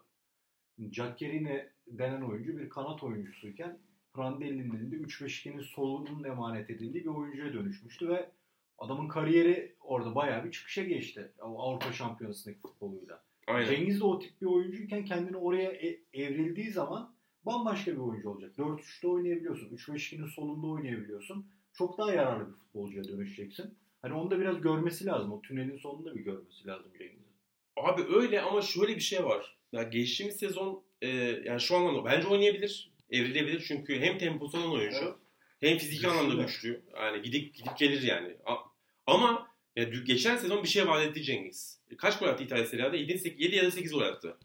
E, ve yani böyle çok oynayarak da yapmadı bunu. 25-26 maç. Hı hı. O 25-26 maçında bir kısmı yedekten gelerek oynadığı maçlardı. Kendisini kabul ettirdi sonra ama yani aslında az dakikaya 7-8 gol 7 gol. Yedi gol mü? 26 maç 7 gol. ee, yani şeyi gösterdi Cengiz. Cengiz 4-3'ün bir kenarında bir sezonda 15'leri falan yazabilecek bir oyuncu olduğunu bence potansiyel olarak ortaya koydu. Şimdi e, bir kenara da 15 gol atabiliyorsanız bu çok değerli bir şey ve o zaman 3-5-2'ye evrilmek çok mantıklı değil bence. Yani her sezon 10-15 varsa Cengiz'den e, o zaman geriye atmak biraz e, işte var olan gol sayısından vazgeçmeniz oluyor. Çünkü yani wingback olarak işte en fazla kaç tane atarsın? 4-5 tane atarsın. E, eğer o potansiyelde oyuncuysa, onu istikrarlı bir şekilde yapacaksa ki bence yapabilir, e, orada kalması daha mantıklı bence. Ama olmuyorsa mesela bu sezon batırdı diyelim. Yani batırdı demeyelim de beklenen gelişimi gösteremedi. Kaybetti. Yine 6-7 golde kaldı. Bir sezon sonra yine 5-6 gol. Yani olmuyor bu çocuktan. Çift taneli go- goller gelmiyor kenarda 4-3-3'te. O zaman zaten başka bir şey olması lazım. Çünkü zaten o kadar az gol atarak e, yapıyı sağlıklı bir şekilde kurman mümkün değil. E, anca olmazsa farklı roller düşünülebilir gibi geliyor bana. Ee, ama dediğin ne şöyle katılacağım Emre. Bence de şu anki en azından eldeki kadro yapısı anlamında e, Di Francesco'nun o takıntısını en azından besleyecek bir havuz var. Onu net olarak söyleyebiliriz herhalde. İşte kanatlarda Ün, Cengiz'i, Perotti'si, Pastore yine sol açık kullanabilirsin. Ya, Şiki tam kullanabilirsin, anda. kullanabilirsin. Oyuncu kullanmasında sorun yok zaten. Sen diyorsun Bir ki süre biraz sonra o kadar katsın. çözülebilir bir Ha, oyun tabii. oynuyor ki yani. Geçen sene Roma'nın maçlarını izlerken 10 maç sonra bütün takımlar Roma'nın ne yapacağını biliyordu abi. Yani yeni FIFA oynayan bir çocuk gibi oyun oynuyorlardı. Topu kanada oradan biri bir şey yapsın. Ceko ile Verkaç'a girsin. Bütün her şey çözülmüştü. Orta sahadan Strot, Nainggolan çok kötüydü. Strotman zaten bence 2 senedir falan iyi futbol oynamıyor. Orta sahadan bir katkı alamıyorsun. Derostin uzun toplarını ve kenardakilerin bir şey yeteneklerine bakıyorsun. Geçen sene takımın en çok asist yapan adam Kolar oldu sanırım ya. Yani bu bence kabul edilebilir bir şey değil. Yani orayı şekillendirmesi, maç içinde müdahale etsin. Ne bileyim baklavalıya dönsün, bir şeye dönsün. O, O esnekliğe yok, o müdahaleyi lazım. yapmıyor. O sıkıntı zaten. Biz Emre ile geçen sene onu konuşmuştuk. Dedi ya o saplantılı 4-3 diye. Onu, onu konuşmuştuk. Yani Sassuolo da bile mesela yani çok esnek bir kadrosu vardı. Hiçbir zaman kullanmadı. 4-3-3. Yani Beraber, hiç, hiç görmedim bir şey abi. Her şey belliydi abi yani. İlk başta kimse çözemedi onları da Hmm. ondan yükseldiler. Yani o anlamadı millet. Ulan bunlar ne yapıyor diye. Ee, Roma'yı da böyle toparlayabiliriz herhalde. Ya- Yani bir saate yaklaştık. 55 dakika oldu. Ee, alt sınıfı da böyle biraz toplu konuşalım istiyorum. Lazio ucundan kaçırmıştı geçen yıl. Simone Inzaghi yönetiminde çok çok iyi bir sezon geçirdiler. Şampiyonlar Ligi'nin son maçta e, kaybedip UEFA'ya düştüler. E, işte Fiorentina'dan o grup için bahsedebiliriz ve elbette Atalanta'yı da e, Torino ile birlikte oraya ekleyebiliriz. Bu Sampdoria'yı takımlar, Sampdoria'yı da yazalım. Bu takımlar arasında sizi en çok heyecanlandıran hangisi e, ve neden diyeyim? Pası Emre'ye atayım. Vallahi bu herhalde Lazio ya. Ee, yani çünkü e, benim için en büyük sürpriz Simone Inzaghi. Böyle şey e, açık söyleyeyim e, Inzaghi şeyin üzerine gelmiş. Yanlış hatırlamıyorsam tabii. E, Marsilya Bielsa ile anlaşıyor e, Lazio. Resmi şekilde duyuruluyor. Hatta tesislerde falan görüntü veriyor Bielsa. Bir Bir, gün bir, gün, bir gün sonra istifa ediyor adam. Allah'ın delisi bir gün sonra, bir gün sonra istifa etti. Ondan sonra şeye gittiler işte yani böyle apar topar e, e, yani ne, ne, ne yapacağını diye. şaşırdı Lazio. 2-3 gün sonra Inzaghi'ye açıkladılar. Ben de dedim ki yani ulan yani işte Bielsa'ya şey yapıyorsun transfer ediyorsun sonra bir gün içinde adamı kaçırıyorsun. Tamam bu adam Allah'ın delisi ama şimdi e, Sen gördüğü Ha, gördüğü anormal şeylerden sonra bunları yapan bir adam. Daha çok anormallikleri yapan bir adam. Ee, dolayısıyla orada yönetimin de muhtemelen Lotito'nun da çok ciddi suçu var. Ve ondan sonra işte Inzaghi'ye gidiyorsun. Inzaghi o dönem içinde böyle e, matah bir teknik adam değil. E, ben de dedim ki yani işte yani e, boka şey yani, ba- ba- batıyorsun yani falan. Ama acayip bir şey çıktı ortaya ondan sonra. O sezonla beraber gösterdi kendisini. E, benim tamamen yanıldığım bir şey oldu. Hamle oldu. Yani Lotito da beklememiştir o kadar performans göstermesi ama tuttu yani. Ve adam enteresan şeyler de gösterdi yani. Özellikle geçtiğimiz sezon, son iki sezon böyle üçlü savunma 3-5-1-1 çok iyi tuttu. Ee, çok sağlam bir yapı. Bir de şey oynuyorlar yani. 3-5-1-1 Dinamik. baktığın zaman şey diyorsun defansif bir sistem ama bayağı hücum takımı Çok yani. seri oynuyor. Çok seri oynuyorlar. Ve şey yani şimdi oyuncu kaybettiler. Şimdi onu soracaktım sana Emre. Önemli iki ismi kaybettiler ilk 11'den ki en önemlisi belki de hala yolda olabilir. Milinkovic Savic'in Lazio'da kalmayacağı söyleniyor sezon başladığında. Defray az önce bahsettiğim iki isimden biri. Biri de evet Lazio'da çok fazla belki istediğini bulamadı ama potansiyel olarak yüksek olan Felipe Anderson. Onu da West Ham'a kaptırdılar mesela. Ee, sen bu kayıplar ışığında nasıl peki değerlendiriyorsun? Abi- Lazio güç kaybedecek mi bu sene? Ya şöyle Felipe Anderson zaten son iki sezon yani aslında Inzaghi'nin çıkışında çok büyük rol oynayan bir oyuncu değildi. Ha, yani di- direkt oyuncu bile değildi Sonradan aslında. Çok gidiyor. evet. Aynen. Yani Luis Alberto önünde şey oynuyordu. E, ağırlıklı. 3-5-1-1'de. Abi gire, girebilirsin. Yok oraya. yok Luis Alberto mesela geçen sene inanılmaz bir performans gösterdi. Orada Inzaghi'nin direkt payı vardı bence. Aynen. aynen. Hiç beklenmeyen, kariyeri bayağı bir çöp gibi görülen bir oyuncu. Çok önemliydi. Ve birinci yarıda ikinci yarıda yani ligde çok yaydı o performans. Yani Felipe Anderson problem değil bence. Çok büyük problem değil. Ki iyi de bonservis aldılar. Tabii iyi de bonservis aldılar. E, Defray ciddi sıkıntı. Yani çünkü çok iyi oyuncu ama mesela yerine koydukları Francesco Acerbi müthiş oyuncu. Alabileceğin en iyi. Aa, Aynen kapatırsın yani. Kapatır Defray'ın şeyini. Ee, ben iyi oynayacağını düşünüyorum. Yani çünkü belli bir standartın altına düşmez abi Acerbi gibi oyuncu. E, şimdi Kore'ye Kore'ye aldılar. Ben çok ben, ben böyle çok anormal beğendiğim bir oyuncu değil. E, ama şeyi çok beğeniyorum mesela. Sol beki aldıkları e, Real Betis'ten Rıza Durmisi'yi aldılar. Hı. E, La Liga'nın en etkili kenar kenar beklerinden biri olarak e, gösteriliyor. E, ki hakikaten teknik seriye hücuma çok destek veren bir oyuncu. Mesela o da bir artı. Milinkovic gider mi? Giderse sıkıntı olur. E, ama giderse de gelecek 100-125 milyonla bir şeyler yapacaklardır. Yani onun şu anda şeyini almışlardır bence. E, Alternatif. Yedek planlar. tabii yedek planı mutlaka vardır. Çünkü adam bir aydır gidecek mi gitmeyecek mi? Oraya mı? Tabii. Juventus mu? Milan mı? Yok işte Napoli mi? Her takım konuşuldu neredeyse. Inter bile girdi bir ara devreye. Şeyden sonra özellikle e, Vidal ve şey olmayınca, Modric olmayınca ulan acaba Milinkovic Savic'e mi gitsek falan dediler. Şu En an azından çok Milan'ın adı geçiyor. Aynen en, en azından basında onu okuduk. Onun planlı şeyini yedek planını da yapmışlardır. Böyle şey olarak oyun kalitesi olarak aldılar. Ha, Bonservisi. Milan Badeli Bravo. aldı. Tabii. Doğru. Bayağı iyi abi yani. İyi hamleler. Yani en azından bir akıl olduğunu görüyorsun orada. Oyun olarak çok geriye gideceklerini düşünmüyorum ben ama tabii kadro olarak şeylerin arkasındalar. Milan'ın da, Inter'in de, Roman. Roma'nın da, Napoli hatta ve Juventus'un arkasındalar. Ama yine böyle kafayı sokarlarsa ilk dörde eee, çok şaşırmam ben. İlk Zaten dörtte Atalanta ile ikisi 5-6'nın en büyük adayı gibi yani. Ee, Seni en çok heyecanlandıran hangisinin arasında? Lazio'yu Emre vasıtasıyla da konuşmuş olduk. İşte Atalanta olabilir, Atalanta Fiorentina olabilir, Torino olabilir. Fiorentina'dan bir şey beklemiyorum. Biraz Simone'ye bakarım neler yapıyor. Bu sene çünkü benim e, kafama göre onun için belirleyici sezon olacak. Çünkü geçen sene bir iyi başladı. Çok istikrarsız gidiyordu. Bu sene onun kariyerini belirleyecek bir sezon olabilir. Ona bir bakarım biraz. Ama çok öyle takımı incelemem. Ama şey Atalanta gene dikkat çekici işler yapabilir evet. Ee, Biraz laf arasında geçmişler ama geçen yıl işte Batshuayi'nin bir golüyle Dortmund'da eğlendiler ki aslında turun ikinci maçındaki gidişat bayağı Atalanta'nın turu geçeceğini gösteriyordu. Maçta Caldera verdi. Ee, hani ilk maçta da hata vardı. İkinci maçta İtalya'daydı. Hafızam beni yanıltmıyorsa ve iyi de oynamışlardı ama çok basit bir gol yediler bir anda öyle bir karambolden ve e, her terse gitti o eşleşmenin kaderi. Bakalım bu yıl neler yapacak. Abi, Göreceğiz. yani- Zapata'yı da aldılar mesela. İtalya Ligi'nde çok ya, ligi tanıyan oyuncu derler ya öyle bir oyuncu Zapata. İlginç bir oyuncu. Sen ne diyorsun Atalanta'ya? Şey abi Atalanta'da yani şimdi gidenler önemli kayıp var. Caldera, Cristante'yi. e, e, Cristante şimdi onların yerine de baktığın zaman o profilde oyuncuları koyamadılar ama şimdi Zapata ayrı bir şey.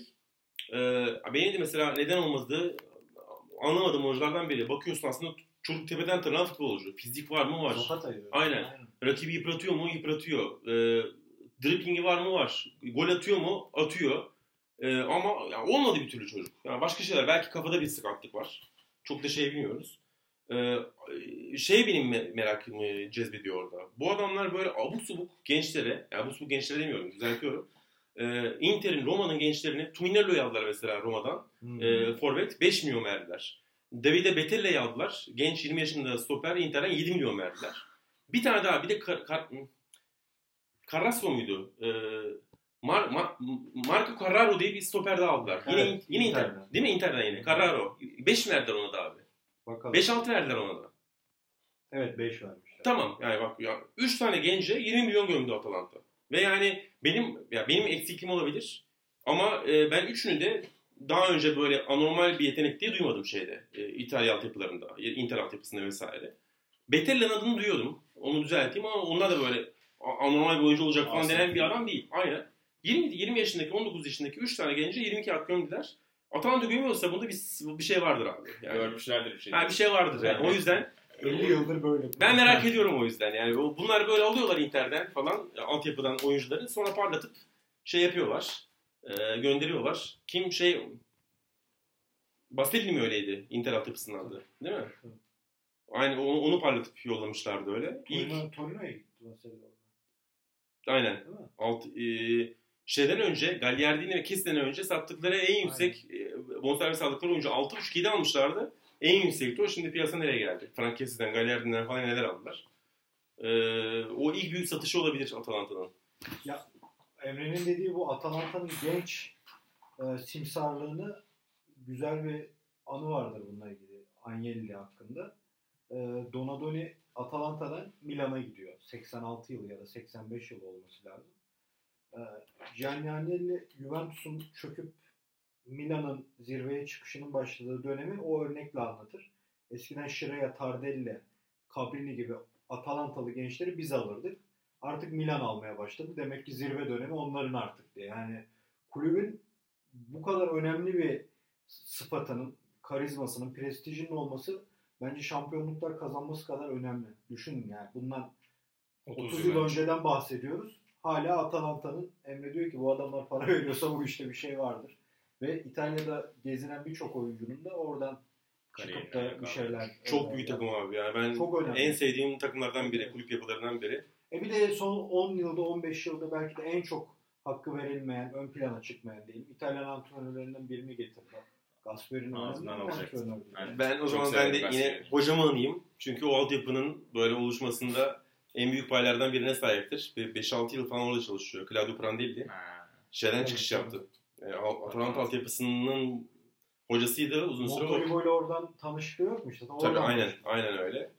Ee, onu da bir anayım yine. Hocam beni çok fazla ayak kırıklığına uğratıyor son yıllarda ama Öyle birçok İyi- yani. ismini bir geçirelim yine orada. Son yıllarda benim de en beğendiğim isimlerden biri koç İtalyan çalıştırıcı arasında Gasperini. Ee, bir transfer de istemiş galiba. Transfer ihtiyacımız var diyordu. Var abi. Birkaç gün önce. Çünkü- Belki birkaç ekleme daha olacak bizim bu sohbetimizin üzerine. Yani Sonrasında bakacağız. Bak. Şeyini kaybettiler. Ee, Cristante gitti, Kurtiç de Tabii, gitti. Kurtiç geçen sene gitmişti değil mi zaten? Bu yaz bu yaz göndermediler mi? Bu Ya yaz gönderdiler. Spalle'de de Kurtiç. Sanki geçen sene sene ortasında gitti gibi. Diğerini göndermediler ama bir şeyden. Bir tane daha ondan önce bir başka bir oyuncu vardı. Yine benzer şey, e, Hırvat. Hı hı. Onunla karıştırıyorsun galiba. Olabilir. Ya Kurtiç sanki geçen sene de Yanılıyor muyum ben? Ben Olabilir. yanılıyorum. Kurtiç önemli oyuncu bu arada. Doğru diyor. Bakalım Kim adam? o eklemelerle ne hale gelecek kadro onu da Ama görmek lazım. orta sahaları. Ee, şöyle bir süreye baktım. 1 saat 6 dakikaya geçmiş. Yavaş yavaş hani toparlamak anlamında Yani şey yapalım istersen. Parma'ya da sor da. Ee, yok onlara geleceğim şimdi. Ha. Yeni çıkanları soracağım. Ee, üst tarafı konuşmuşken ilk dört tahminlerinizi alayım. Sonrasında da yeni çıkan üçlüyü konuşacağız. Çünkü orada hem Parma hem Empoli güzel takımlar var gelenler arasında. İlk dördü nasıl alıyorsunuz şu an kafanızda? Herhalde Juventus'u herkes bire yazıyor gibi görünüyor. Ben var Roma'yı mı? yazıyorum. Roma'yı mı yazıyoruz? Dire. Bir, birkaç. Yazıyorum.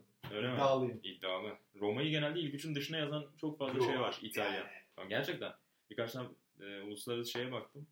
Yani Norveç. Genç transferlerle birlikte hani biraz daha uzun vadeli olarak görüyorlar ama Jan Özgen yapıştırdı bir Kardeşim, numara. Kim genç ya? Joric genç. Başka kim genç? Ya Kluivert'ı falan da düşünüyorlar. Cengiz'i de genç görüyorlar. Cengiz. Cengiz de, Cengiz de yaşlı değil. Cengiz de oldu. 21 Pasta yaşında. Genç mi yani? Bakacağız. Milan daha çok genç aldı. Ee, arkasına kimleri yazdın Emre düşünürken? İlk Juventus. dördü tamamla. Tamam. Napoli Inter. Napoli yine yazdın 3'e.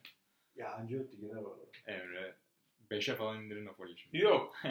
Ben Juve, Inter, Ro- Roma, Napoli diyorum ben de. Ama Napoli. Ama mesela Lazio'da Lazio kafayı ya da Milan da olabilir. Belki Milan'da biraz daha düşük ihtimal ama kafayı dörde sokarsa da çok şaşırmayacağım ben. Tabii canım Lazio iyi takım ya. Yani bakacağız şimdi ilk bir ay o tempoyu hala koruyabilmişlerse yani geçen senenin o büyüsü değilse o hız çünkü o topu kaptıklarında yağıyorlardı abi karşı kaleye. İnanılmaz hızlı hücum ediyorlardı. Onu koruyorlarsa diyeceğiz ki bu sistem tutmuş abi. Ve Lazio o zaman her şeyi yapabilir hakikaten. Ama orada belirleyici olan işte Milinkovic Savic gittikten sonra orayı nasıl dolduracaklar bence o da önemli olacak. Yani çünkü 17'sinde biz bu podcast'i kaydediyoruz. Yaklaşık 10 gün kaldı transfer dönemi bitmesine. 2 hafta diyelim. Hani pazarda da çok çok çok Ben büyük bir arz yok. Geçen sene Belotti için de böyle düşün, düşünüyorum. Bu sene Savic için de aynısını düşünüyorum. Ben bir sene daha kalmasını daha iyi olacağını düşünüyorum. Çünkü Dünya Kupası'nda da iyi değildi. Abi evet çok Şimdi orada gelecek- orada çok karizma kaybetti ya. Benim gözümde bile karizma kaybetti orada biraz. Yani bir ay atıyorum Juventus'a geldi. İlk bir ay bir Şampiyonlar Ligi maçı, bir lig maçı hata yaptı. Başlayacak balonlu soru işaretleri. Ki geçen sezonki o çıkışla birlikte e, Emre'nin hatta çok güzel bir yazısı var dergide. Yani 80 milyon eurolar, 100 milyon eurolar konuşmaya başlamıştı. Şu an için tekrar işte bir 40 civarları en azından hani kiralık gibi bir formül olursa 40 artı bir şey gibiler konuşuluyor. Vurdu. Dediğin Dünya gibi Kupası'nda temelli zaten. aynen öyle. Ya bir, bir kere meşakkatli bir oyuncu. Ona ait bir sistemin olması lazım. Yani yok şurada kullan ya orta sahada nereye koysan oynar bir oyuncu değil. Nasıl Pogba gibi. E tabi yani bu oyuncular zor oyuncular. Lazio'da buldu o ritmi. Şimdi Lazio'da geçen seneki performansı bir daha atarsa soru işaretsiz alırsın bu adamı.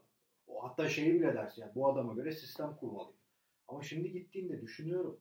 Bence Juventus için zaten büyük risk de Milan için iyi bir hamle olabilir. Ama onu da bilemem ki. Orada da işte Bakayoko öyle ya da kaç bir isimle nasıl oynayacak onlar soru işareti olacak tabii.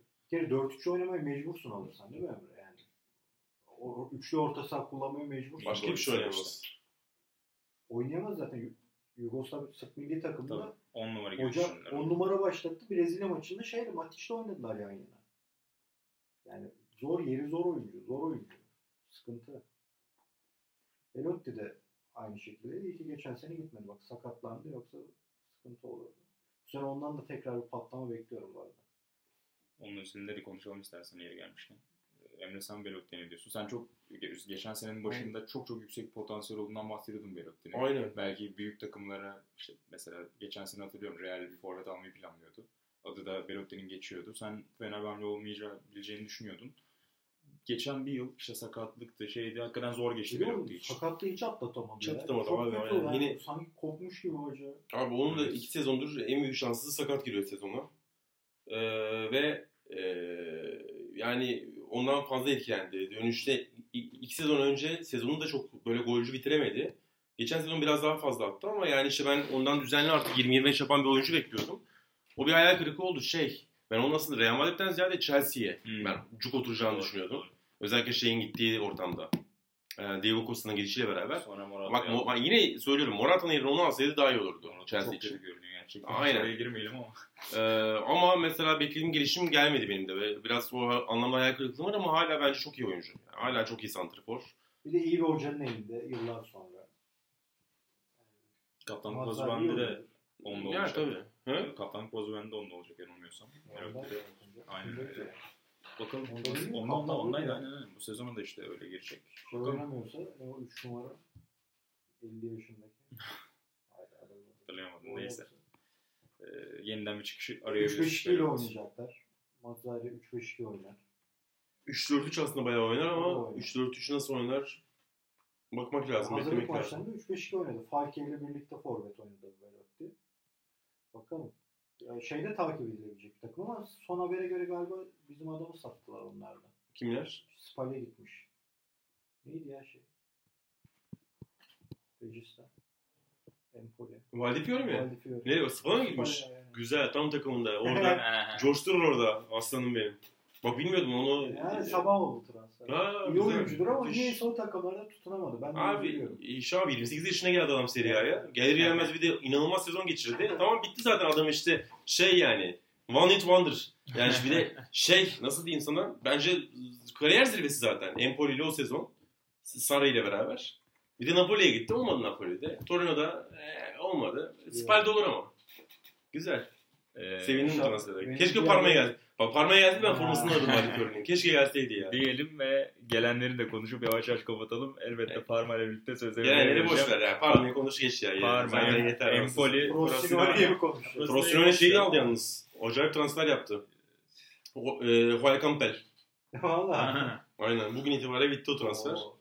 Birkaç yıl önce Çok iyi transfer. pazarın büyük oyuncusuydu. Aynen. Frosinone için inanılmaz transfer bence. Parma forma şampiyonu.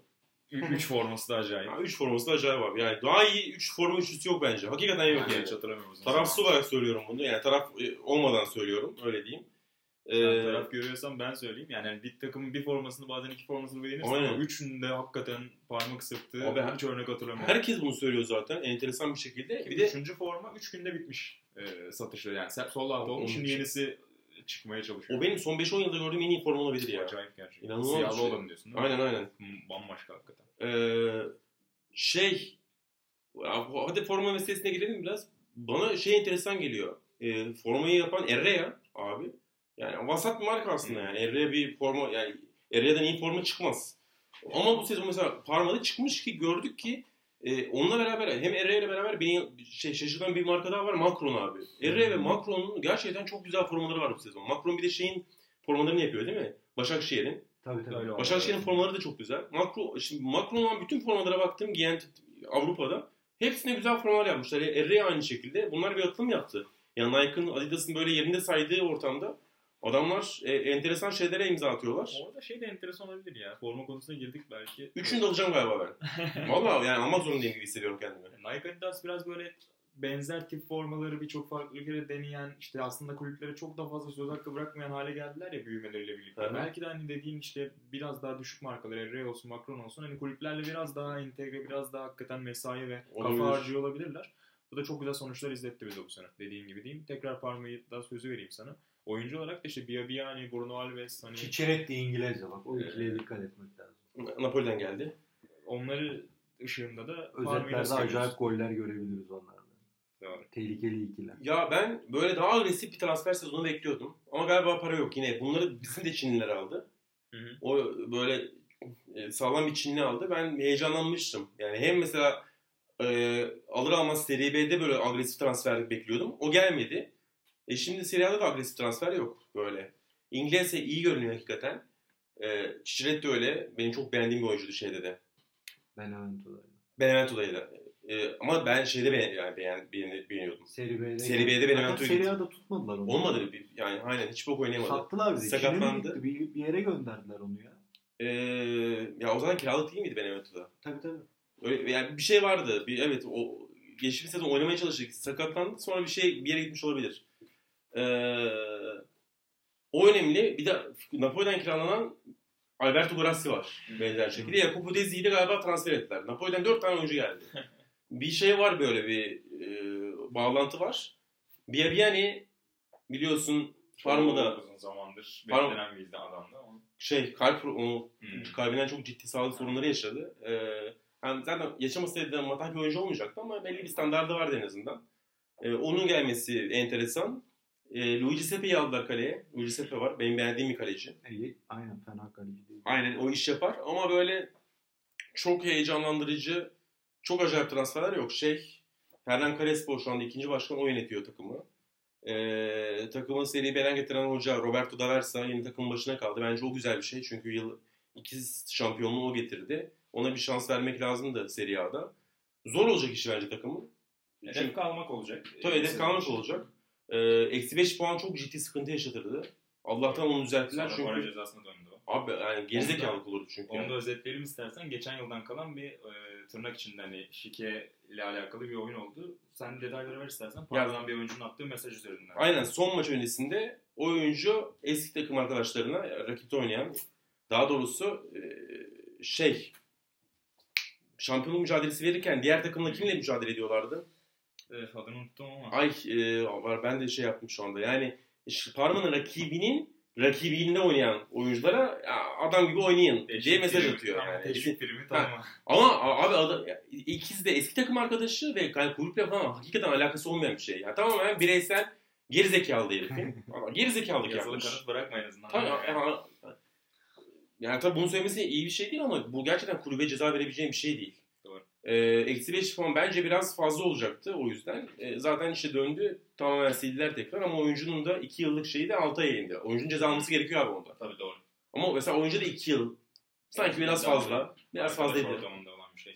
Ee, o, dolayısıyla eksi 5 ciddi sıkıntı yaşatırdı. Ee, ondan kurtulması iyi. Yeter mi kadro bilmiyorum ya. Ee, yani biraz başlayınca göreceğiz. İnşallah transfer bitene kadar da en azından bir iki tane daha oyuncu mesela şu Huaycan Pel şeydi dün şey geçti Cervinho geçti. Hmm, evet, konuşuluyor. Mesela o olursa, o olursa mükemmel olur. Muhtemelen hatta bugün iyiden iyiye ivme kazandı. Yani inşallah olur o. Öyle bir oyuncuya çok ihtiyaç var çünkü öyle bir oyuncu yok şu anda kadro içerisinde. Yani Yani. Aynen takımı taşıyacak 10-15 gollü zorlayabilecek bir oyuncu ben göremiyorum. Ee, o da biraz problem getirebilir. İlhan sen söylemek ister misin bir şeyler parmak konusunda? Ben diyorum İngilizce Çiçiretti'nin or şey özet gollerini Kaçırmayın diyorsun. Peki baylar Garip adamlar. 75 dakikayı bulduk. Eklemek istediğiniz Yuh. bir şey varsa onları da alalım. İtalya sohbeti böyle. Kallavi oluyor her zaman zaten. İyi de oldu yeni sezon başlarken. Var mıdır ekleyeceğiniz bir şey yoksa yavaş yavaş kapatalım. Güzel bir sezon bekliyoruz. Bence aynen yani yaratılan hava tırnak içinde bir balon değil bence de. Hakikaten takım takım bakınca da çok çok güzel eklemeler var, güzel yapılar var. Çok keyifli bir sezon olabilir İtalya'da. Juventus'un da kafası, Ajax'ın sol bekini aldı mesela. Evet. Fena çocuk değildir. Juventus'un da aklı tamamen Şampiyonlar Ligi kazanmak üzerineyken e, diğer takımlar için hakikaten fırsat olabilir bu 7 yıllık perdenin ardından. Peki ağzınıza sağlık Emre Özcan ve İlhan Özgen'le birlikteydik bu podcast'te. Ee, önümüzdeki aylarda belki yine toparlama yaparlar. Bu ikiliyi bir araya getirebilirsek diyelim. Yavaş yavaş hızımızdan ayrılalım. Hoşçakalın.